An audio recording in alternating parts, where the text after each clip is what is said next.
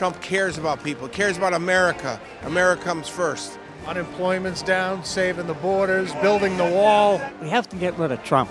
Any of these other people, any of these other Democrats, I will work for. The Democrats have done nothing for the past three years. We have. Clearly, we do have a problem in America where many people feel disrespected or not represented, and Trump is their answer. God bless America and God bless Donald Trump. Hoi, wij zijn Veerle en Minke. En wij hebben tijdens de voorverkiezingen, de primaries, door Amerika gereisd. In twee afleveringen nemen Minke en ik je mee tijdens onze reis door Amerika. Dit is de race om Amerika.